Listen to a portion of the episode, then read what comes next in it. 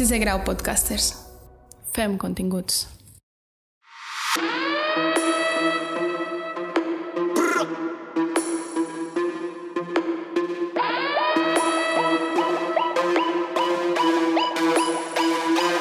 Paraules clau.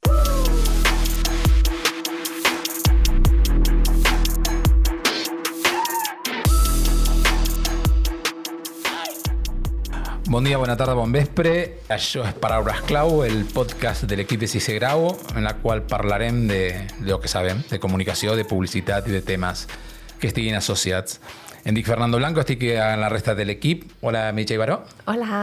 Hola, Maricel Blanc. Hola a tots. I res, en aquest primer programa el que parlarem serà de l'estat de les xarxes socials en aquest any 2022. Ens basem en un estudi de la IAB, de la Interactive Advertising Bureau del capítol espanyol, que d'alguna manera és el que per tipologia ens correspon que podem veure'ns més reflexat en, en la informació, que va sortir a partir d'enquestes fetes a l'abril, eh, ha sortit aquesta setmana. I, I res, tocarem tres o quatre temes que són els que més poden tocar-nos aquí a Andorra. I el primer de tot és analitzar entre els tres la, la salut de les xarxes socials, vista que ha sortit que comença a haver-hi abandonaments. La estadística diu que un 34% de la mostra ha abandonat almenys una xarxa social i la pregunta és, hi ha saturació, Meritxell Baró? Bé, el, també hauríem de mirar bé qui, quines són les persones que ho han abandonat i per quins factors, no? Eh, saturació, bueno, les xarxes socials estan per tot arreu avui en dia i, i es nota no, que és quelcom que cada vegada doncs, la gent utilitza més.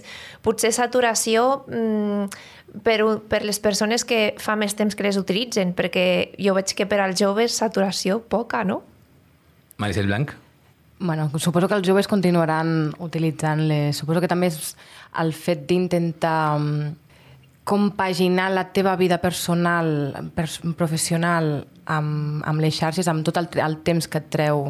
Que potser és més Sí. difícil per eh, la gent més gran, vols dir? Ah, exacte, jo crec que sí que també. I al final, bueno, ja estan encarades, no?, amb que fem un ús desmesurat. Vull dir que cada vegada s'estan encarant més, no, no eines tan pràctiques que, que et puguin facilitar la vida, sinó que, que facis un consum mm, directe d'hores i hores. Crec que la és- Maricel ha donat en el clau amb el tema del temps. O sea, Sí. les xarxes se van multiplicant, però els temps és el que és.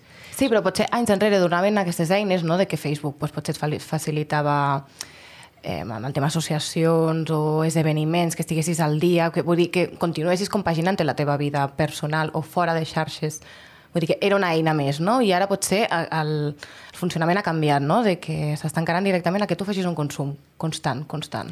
Bueno, i una Ràpid producció, i- perquè la sí. producció avui en dia, per exemple, que es porta moltíssim el tema dels vídeos, sobretot vídeos editats amb les pròpies xarxes socials, com per exemple TikTok, porten un munt de temps de, de crear-los, també si tu els vols fer bé o fer-los originals, no?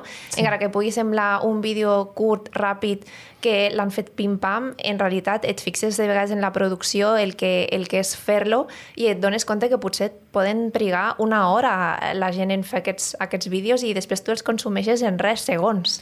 Clar, exacte, que sempre potser pensem amb el tema de consum de les xarxes o, de, o, o del gastar aquest temps, vull dir, consumim, però és veritat que vull dir que el fet de crear el contingut gastes també molt de temps, és veritat, no ho tenim present, i més això amb els vídeos. Cert, cert, completament. I quan, quan has parlat això del temps, he pensat, ostres, doncs sí que, que és veritat que, que el temps és un factor eh, clau, potser en l'abandó, eh, però en l'abandó també de consumir i de crear, no? Perquè també cada vegada aquestes xarxes ens demanen més temps a l'hora de crear continguts. Sí, Exacte. es un fet de que las fotos así publicadas normalmente a Instagram comienzan a no tirar la, la aquesta arribada del Reels que ja està aquí a Andorra també, que, que tot el vídeo se converteix en Reels, no? És, és així? Bé, tot, tot ve per el, per el fenomen TikTok, no? Eh, Instagram que no vol perdre usuaris i s'ha posat en el món dels Reels per fer front doncs, en aquests vídeos de TikTok i bé, ara el que ha fet és doncs, l'algoritme d'Instagram canviar-lo i potenciar el que són els formats vídeo eh, que anomene Reels. Eh, són vídeos en format vertical, eh, amb música, normalment, són originals, són curts, i en aquest cas, doncs, Instagram, en aquest nou algoritme que, que, ha que està potenciant ara, el que fa és prioritzar aquest tipus de contingut en format vídeo i vertical enfront a mm, doncs, el que era el, el rei a, a Instagram fins ara, que eren les fotografies, no? Exacte, i bueno, una altra xarxa que també s'ha adaptat ha sigut YouTube, no? Mm. Que han passat als shorts. Al veure que no podien competir amb, competir amb TikTok, han agafat el mateix, el mateix format, el format també vertical, d'uns 30 segons. I, bueno, que això realment deriva de Snapchat, no? Tot el Sí, tema... tot ha nascut en Snapchat, que és una de les Sí, sí. xarxes més abandonades ara, però, però sí, tot ha nascut en Clar, Snapchat. està abandonada aquí a Espanya, bueno, o a, A Estats Units, a Estats clar, Units a és, Estats Units és, és brutal. Vull dir, s'utilitza, entre els joves s'utilitza més Snapchat que, que WhatsApp, sobretot. Que no... Y las celebrities también utilizan molt Snapchat. Exacte. Lo que sí, també tu has tocat ara el tema del vídeo vertical. El vídeo vertical ha estat la, la veritable revolució, perquè és el, el empoderament definitiu del format del telèfon, o del telèfon com, com a aparato de captació de continguts. Fixeu, fixeu fins a quin punt que les empreses mateixes, quan han de treballar vídeos eh, comercials, nosaltres tota la vida, des de fa 120 anys, des que existeix el cine, pensem en horitzontal. O sea, to- la televisió està feta en horitzontal, el cine està fet en horitzontal, però de cop i volta ara se pensa en vertical, des de fa els últims, què, 5 anys. Sí, sí. Entonces canvia fins i tot l'enquadre No sé si completament, i la composició, sí, sí. i la composició. Tu, tu que ets fotògrafa, bueno, sa- saps molt més del tema. Sí. Bueno, no, no sé si recordeu, fa uns anys es va fer molt viral un vídeo que feien com una crítica al, al, al vídeo vertical, no? De, com, com si fos una crida a que la gent deixés de fer vídeos en vertical, que els nostres ulls estan posats en horitzontal i, i que no podem Exacte. adaptar, però bueno, al final... Es que, que, que es una, una aberració en realitat. Sí, sí. Però, fixa't, o sea, han, el mercat està forçant tant la producció amb el telèfon que fins i tot el que estaves dient, YouTube està passant al vídeo vertical ja. Sí, Bé, I no exacte. només en, en telèfons, xarxes, etc. En el món offline també, perquè si quantes pantalles heu vist anant pel carrer que són verticals amb Exactament. anuncis de les marques, no? Eh, les podem comptar aquí al centre, a Avinguda Meritxell i Avinguda Carlemany, que segur que n'hi ha moltíssimes. Aquí a prop se sí. me n'acudeix una. O, per exemple, artistes com, per exemple, la Ro- la Rosalia, que ha adaptat el seu espectacle amb un format vertical, de vídeo vertical, vull dir que ja, ja traspassa les pantalles i directament ja, ja n'hi ha espectacles pensats en vertical. Vull dir que ja el... Es, es, es, es impresionante porque ha cambiado la morfología, es la manera de lo que tú dices abans, ¿no? La forma en que, que hem, estamos acostumbrados a llegir la información, pero el tema del switch en horizontal nos obliga a la, a la, a la cosa vertical. A mí me resulta extraño todavía. Eh, cuando había sortit IGTV, que va a durar lo, no res, porque rápidamente se, se va a integrar, la revolució havia estat per això, no? I ara veurem eh, com, com acabarem dintre uns anys, quin serà el format. Horitzontal, vertical, que... triangular. a veure què passa, no? La enquesta diu que la gran guanyadora esperada era TikTok. Tu, Mary, com veus lo de TikTok? Continuarà creixent? Està creixent. eh, Aquest Sí. any ha crescut el 5%. Jo crec que sí, jo crec que sí. Ara està super en auge, bueno, des de, des de que va passar doncs, el tema del confinament per, per coronavirus, no? està en auge i ha passat de ser una plataforma utilitzada més aviat per joves a ser utilitzada per tot tipus de persones de totes les edats i de tots els gèneres. Hi ha tiktokers que són padrins que fan promocions eh, de mira el meu codi promocional, utilitza'l, o sigui, és que hi ha de tot ara mateix a TikTok i no ho sé, molt, jo conec moltíssima gent que abans d'anar a dormir, en lloc de mirar la tele, miren TikToks. Però tornem a la problemàtica que tu deies abans. Al obligar a produir està d'alguna manera limitat a un públic. No, no qualsevol. Qualsevol pot tirar una foto, però no qualsevol pot editar un vídeo. Bueno, jo crec que... Jo, soy, jo, jo soc molt positiva, no ho sé, però jo crec que amb, amb temps i, i practicant tothom pot arribar a fer vídeos amb TikTok, perquè al final les eines són facilíssimes. El que passa és que aquí ja arriba el tema de tu fins a on vols arribar i quant temps li vols dedicar, no? Tu pots fer un vídeo super senzill sense haver d'utilitzar transicions ni música en TikTok, també. Sí. Val? Però si tu vols doncs, arribar a crear un contingut viral, sí que a més de mm, dedicar-te molt temps per fer contingut original, has de pensar que has de publicar pràcticament cada dia eh, perquè, perquè puguis arribar a ser viral no? i utilitzar doncs, músiques que són tendència en aquell moment, etc. Llavors és tot un cúmul de factors que s'ha de tenir en compte i, i a la pregunta que tu deies, jo crec que sí, jo crec que seguirà creixent perquè és un producte molt divertit i a la gent li enganxa. Fixeu-vos una cosa, no?, que interessant. Eh, la Mary deia de que fins i tot padrins hi ha TikTok, no? Nosaltres, quan vam començar a treballar en xarxa social, havíem viscut el fenomen de que Facebook eh, van entrar primer pels universitaris, tothom ha vist la pel·lícula, eh, a partir d'aquí els joves fan la xarxa, la fan seva, i en el moment que entren els pares, aquells joves s'escapen i se van a Instagram. Després els pares comencen a anar-se a Instagram i se van a TikTok. Clar, és que ara tothom està a TikTok. I és veritat. És que jo he vist eh, contingut d'advocats en TikTok. Entonces, quina és la sortida dels joves? Eh, continuaran potenciant el propi TikTok amb codis propis o directament el que faran serà marxar a una altra xarxa?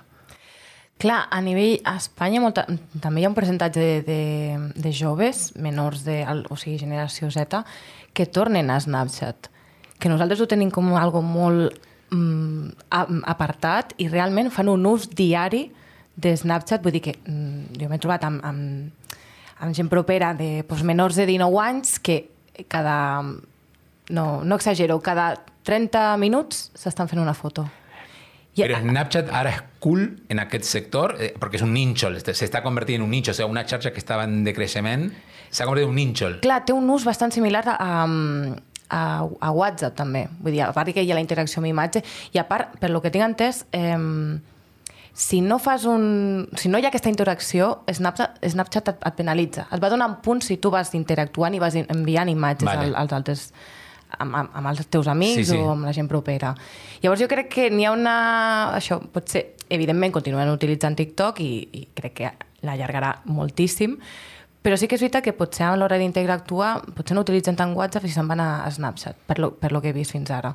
Bueno, això ja es veurà també amb, amb el temps. Lo que fa que els anunciants se tornin boixos, perquè cada cop se comencen a, a diversificar més i a uh -huh. multiplicar la quantitat d'espai. Abans tu tenies una, una gran xarxa dominant que era Facebook, de cop i volta han estat dos i de cop i volta han estat tres i quatre i cinc i ara estan a punt d'obrir ja. De fet, aquesta setmana l'API de WhatsApp s'ha obert a la Índia. O sea que ja la caiguda de publicitat en, en WhatsApp és un tema de setmanes. Eh, o sea, quin és el destí que l'espera als anunciants a l'hora de buscar publicitat o de fer publicitat? Com segmenta d'aquesta manera? Complicat. És un tema complicat i a més que no, no només és el fet de segmentar, també el fet de la inversió que, que tu has de tenir, no? perquè, eh, per exemple, en TikTok, les inversions que tu has de fer per poder fer publicitat són enormes. No és com el que és Facebook o Instagram, que bé, fins ara era més econòmic, ara cada vegada és més car, trobo. no sé què en penseu, però abans podies arribar a invertir un euro o dos euros i tenir el doble o el triple, o el triple de repercussió que amb un post sense promocionar i ara mateix és que si no poses com a mínim 5 euros al dia, no arribes ni a la meitat dels resultats que tenies abans. I amb TikTok, doncs bé, eh, només cal veure una mica eh, quan, quan es cobra no? per, per fer un anunci en TikTok i que això doncs, són coses que només poden arribar grans empreses. Les petites empreses ens podem oblidar de fer anuncis d'aquest tipus. No? El tema de les plataformes publicitàries més usuals, que són AdWords i, i la xarxa de Facebook, nosaltres el tema el coneixem de memòria, s'ha creat una inflació. A partir de que les empreses han entrat massivament a fer publicitat a un euro al dia, eh, la llei d'oferta i demanda ha fet que ja un euro al dia no serveixi per res. I ara realment el que tu deies, eh, si no poses 5 euros al dia no, no vas enlloc. Mínim. Una cosa que estava parlant abans és el tema de WhatsApp. Eh, en la investigació de la IAB, que és la, la base en la que ten, tenia aquesta, aquesta xerrada, diuen que WhatsApp és la xarxa social que més ha crescut per quart any consecutiu, quan WhatsApp no és una xarxa social. La pregunta és, per què WhatsApp s'utilitza per vosaltres com una xarxa social privada? Hi ha una crisi de privacitat en les més usuals o per què, la, per què WhatsApp creix tant? Bueno, per mi WhatsApp és, és algo que miro tot el dia, perquè en tota l'estona m'estan entrant missatges de tothom. Llavors, no és com l'esforç entre cometes, no vull dir esforç d'obrir una app com pot ser Instagram a veure quin contingut hi ha i jo mirar el que hi ha, sinó que WhatsApp ja m'entra a mi perquè em fa ting ting que tens un missatge i això ja em fa entrar. No és que jo vagi a obrir l'aplicació, sinó que jo obro perquè hi ha algú que m'ha parlat i ja doncs, en aquell moment dius, ostres, doncs mira, ha posat eh, una stories, diguéssim, en el seu WhatsApp, vaig a mirar el que és, no? el que, lo que ha publicat Jo ho veig més potser en aquest sentit, no? Que WhatsApp és algo que, que et crida a tu i no que tu entres a veure què hi ha. Clar, ja, ja no és una eina d'entreteniment, sinó que és una eina professional, laboral o del dia a dia, no? Vull dir, és una, una part més del nostre dia a dia. Però Vull dir fixeu el que fem els usuaris. Jo també soc un usuari, usuari massiu de WhatsApp, eh, a mi pesar, de vegades, sobretot perquè no pot filtrar les trucades per telèfon. És, és una, una de les pegues que és, no s'entén perquè encara Meta no ha pres eh, una decisió sobre això, però com al final, els, el, quan fem un grup en WhatsApp i tenim un moviment de contingut elevat, per dir d'alguna manera, ja funciona com una xarxa social privada. Són com els grups antics de, de Facebook, que eren secrets o privats, ara s'han passat a, a una plataforma en la qual, a més a més, pots parlar per telèfon, perquè les característiques són les mateixes. És multimedial, pots enviar vídeo, pots enviar doc ara documents, pots enviar de tot. Per què vosaltres considereu que encara no ha entrat a la publicitat? Si és la xarxa, entre cometes, més utilitzada. Bueno, perquè uf, utilitzen les dades, no? Exacte. Aquí, aquí És està la controvèrsia. cosa. Mm, Aquí estàs anant directament a un telèfon de, a una persona concreta, a algú, i ah, sobretot amb les, amb les polítiques que hi ha ara, no? que són tan restrictives. A- Clar, Aquí a Europa és molt sí. més valuosa la informació i les dades de personals que no, no en aquest cas la publicitat, això està clar. L'aposta que fa és que WhatsApp en un futur no molt llunyà serà la app per a tot, absolutament per a tot. Eh, el fet de que hagin obert la, la API eh, posa ja a tiro de pedra que estigui el cotxe. Clar, també, lo que també faltava. podem sumar bueno, WhatsApp Business, que també suposo que a nivell com WhatsApp a eina Business. professional també és important. Entonces, el tema serà quan, quan WhatsApp entri als cotxes ja, ja ara sí lo tindràs permanentment. El, el, encara, per exemple, una de, en l'informe també diu que una de la, dels dispositius que més ha crescut és l'Apple Watch, el, el rellotge, no?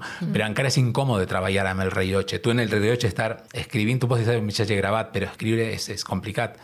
Però el fet és que WhatsApp no para de créixer també com xarxa, i no és una xarxa. És, és una eina del dia a dia, sí. Bueno, jo, Exacte. jo potser ho percebo més així, eh? però bueno, hi haurà qui discrepi, no? Sí, el que potser ha intentat WhatsApp, que és amb el tema de les històries, i crec que, vull dir, sobretot amb la, amb la gent jove, ha quedat és una cosa que no s'utilitza. No. Vull dir que potser la gent generació bueno, gent de més de 40 o 50 La pot X, ser... la generació X. Sí, exacte. Potser sí que hi ha gent que ho utilitza, però tampoc és una eina molt a- habitual. No, igual que els stats, el que diu stat. Sí, exacte. Bueno, sí, els stories, Els estats. Sí. Estats stories, I exacte. no, no, no, no ha tirat. Deien, que, deien en algun moment eh, la obertura de WhatsApp estava prevista per abans del confinament i va caure el confinament perquè el tema és que ja estava a punt de sortir la plataforma publicitària i la plataforma publicitària teòricament sortiria estats. O sea, ells se lo inventarien d'alguna manera perquè la gent comencés a, a consumir estats perquè ahí estaria la publicitat. No seria el mateix model que té Facebook Messenger, que és de la mateixa marca, que sí que te posa publicitat en el mig dels missatges. Jo ho veig complicat, eh, lo de publicitat a WhatsApp, perquè és molt invasiu. És el que dèiem, no? Eh, et, et fa ting-ting i tu entres a mirar. O sigui, La gent marxarà massivament a, a Telegram, això ja està Exacte, claríssim. és que aquesta és la cosa. Así es lo que es diu normalment això. Diuen que en el moment que entri publicitat a WhatsApp, la gent marxarà a Telegram. ¿Alguna de vosaltres té Telegram? No. Jo l'he utilitzat puntualment, per gent que no té, no té WhatsApp. Vale. I per grups de difusió també funciona molt bé. Jo sé que el grup de difusió... No, jo, jo, jo tinc l'aplicació però no l'he utilitzat mai. Jo tampoc. Eh, I sé que els que estan, los, los hipsters, utilitzen Signal.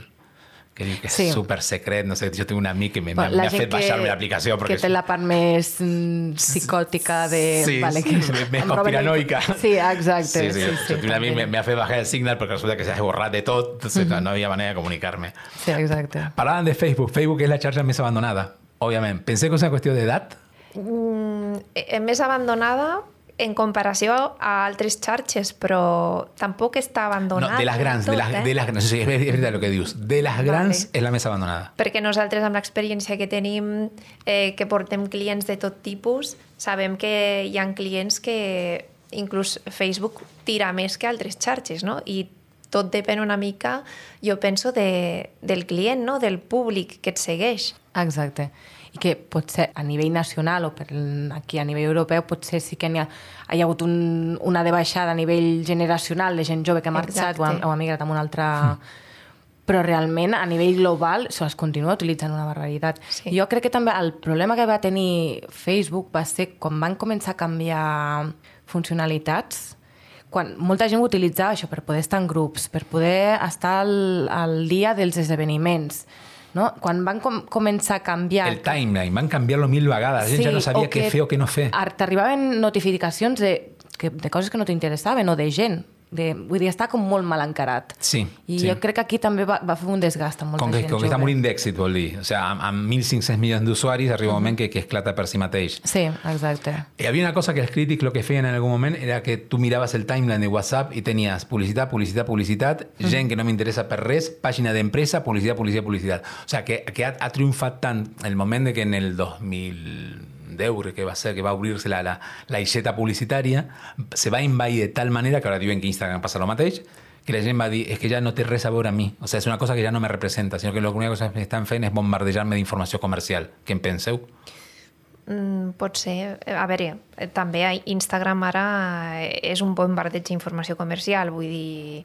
El que passa és que jo crec que el Facebook fa molt més temps que existeix i és el típic de, doncs, de la, la vida dels, dels productes, no? que creixen i al final decauen també i potser Facebook està en aquest moment de, de decaure una mica eh, enfront a altres xarxes com poden ser Instagram que són més noves. També mm, no sé què en penseu, si potser té a veure en que Instagram està pensat per mòbil i Facebook va néixer per ordinador. Sí, jo diria que sí. Jo diria, tens raó. Perquè la, la manera de veure Facebook amb mòbil inclús és molt diferent de la d'Instagram. no? Eh, no hi ha tantes coses petites que siguin clicables, És- diguéssim. és- Clar, i que la presentació d'Instagram és purament estètica. Vull dir, Sí. Tot el, el, el, el mur, vull dir, la forma amb com publiques ja està pensat amb una estètica, amb una composició, això visualment és molt més atractiu a nivell publicitari. Y a veces, a veces, y y hay una cosa que es que Instagram, si te vas a pensar, es una xarxa tancada que ni te permet compartir ni links, ni documents, ni res. És això, és el consum immediat d'una imatge que està posada per consumir-se immediatament i que tu puguis alhora publicar contingut per consumir immediatament. No, no busca més. I fi- fixeu-vos que ha tingut molt més èxit que Facebook, que la promesa era que donava informació, que era multimedial, que els mitjans entraven a Facebook. Ara els mitjans, per exemple, han passat de Facebook a Twitter, per, per altres raons, no? Però Instagram és super exitosa quan en realitat l'oferta comercial o l'oferta d'usuari és molt curta. És només compartir continguts. Bueno, ara cada vegada es va, va permetent més enllaços, no? Eh, A poc a poc ha passat de ser una mica no tan tancada, doncs, per exemple, permeten incloure enllaços en els stories, que fins ara, doncs, fins, fins fa uns mesos no es podia tampoc. En el tema dels posts, sí, te, tens raó que encara no es permet aquest el link, però bé, amb TikTok és igual. Recordeu quan havies de tenir 10.000 seguidors per poder posar un... Sí, sí, quins problemes. Ja. Només es podia posar links amb, amb publicitat, si sí. feies publicitat i prou. I bé, doncs ara doncs, a poc a poc canviant i, i potser això és obre les portes a que, a que es puguin posar links també en els posts. Mm, No sabem el que té Instagram pensat per nosaltres. A veure amb els Reels també com ho volen en, encarar. Mm. I, I també uh, crec que és el que tindríem, hauríem de mm, tenir en compte, um, sobretot amb Instagram, vull dir, el percentatge... O sigui, n'hi ha com dues, dues, o sigui, dos dualitats, no? Vull dir, el fet de que siguis consumidor i el, i el fet que siguis eh, creador de contingut, no? Vull dir, aquí crec que Instagram sí que té un, un equilibri, que normalment la gent publica contingut i consumeix. Potser amb altres xarxes com, com TikTok costa més que la gent sigui creadora de contingut, no? És més mm, Però és més consumidora. complexa, perquè la producció és més complexa. És més complexa, però vull dir, igualment et dona automatismes Mm. la- l'aplicació. La, sí, és, evidentment que, que el fet de fer un vídeo és molt més complex i més elaborat i més... Però sí que el, el nivell de, o el percentatge de, de mm, perfils a TikTok que publiquen contingut és molt baix. Sí. Amb la, amb la quantitat, bueno, la, la majoria de gent és, és únicament consumidora. Sí, que això sí, també és és veritat. sorprenent. És veritat. Sí, sí, Instagram te convida més a que, a que participis d'alguna manera. Clar, al ser més fàcil fer fotos, mal que mal, o te un vídeo, clar, TikTok requereix producció. Que això potser amb el temps varia, si la gent...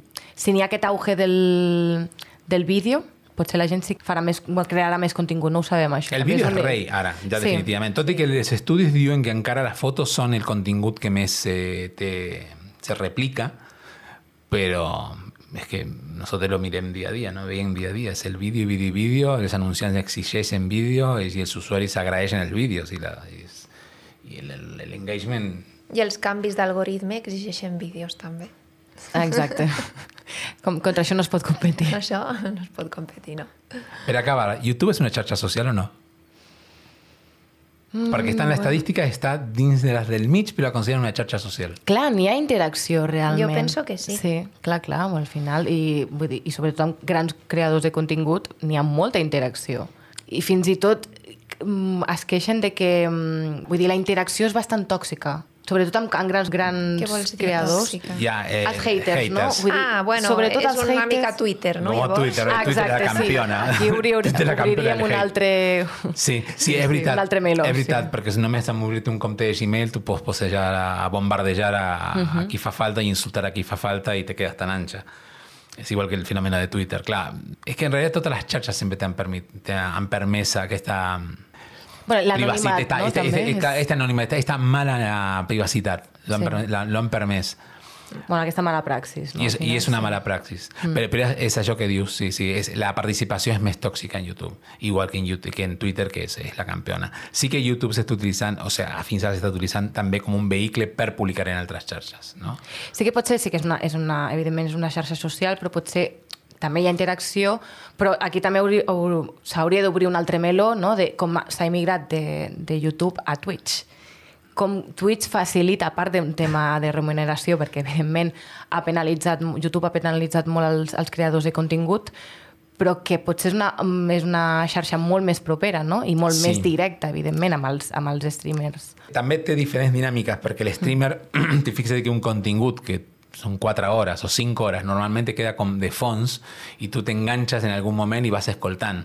En canvi, quan tu veus un vídeo de YouTube de 12 minuts, és que tu te poses a mirar el vídeo de 12 minuts. Sí. Seria impossible seguir a un, a un streamer. A veure, hi ha streamers de tot, no? Quan, quan parlo de, de, de streamers que parlen de temes generals, que fan el que estem fent nosaltres, però amb una càmera durant 5 hores. I hi ha hagut casos de 12 hores. Ja. Això te lo poses com si... És, és, la, és com com posar la tele de fons a casa, que en realidad estava, però no estava. Exacte. ¿Le ha funcionat? Clar que le ha funcionat, però imagina, en continguts de 5 hores la quantitat de publicitat que Amazon està Clar. facturant. Exacte. O sea, el model és exitosíssim. I a més a més, el que deies, YouTube se posa a parlar en clar, putejar al creador de continguts econòmicament, està clar que hi havia una, una migració cap a Twitch. Evidentment, el fet que estiguis mirant 20 minuts de vídeo, el temps que et roba, vull dir, potser algú més jove no li, no, no li sap greu perdre aquest temps, però la gent ja que té, doncs, un- amb els, mm, tens unes obligacions professionals, labor, bueno, personals, clar, el fet d'estar sentat 20 minuts també és un problema. Llavors, també s'ha de tenir en compte que, per una altra banda, apareixen els podcasts.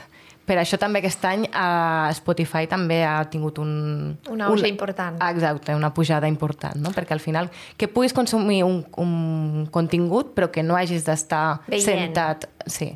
Igual, és, és un tema que parlarem en algun altre programa perquè la guerra en lo que són les plataformes de streaming de música és brutal ara. Vale. O sea, y ahora hay a tres en la primera línea, que son Amazon Music, Spotify y Apple, y Apple Music, pero darrere està Tidal, que està la indústria darrere, hi ha moltes més. És, va ser el, és el gran tema ara. Estem parlant de que Spotify ha pràcticament destruït la pirateria. O sea que és, és un mercat que dona encara per fer negocis. No sé si teniu alguna cosa més per afegir, Meritxell?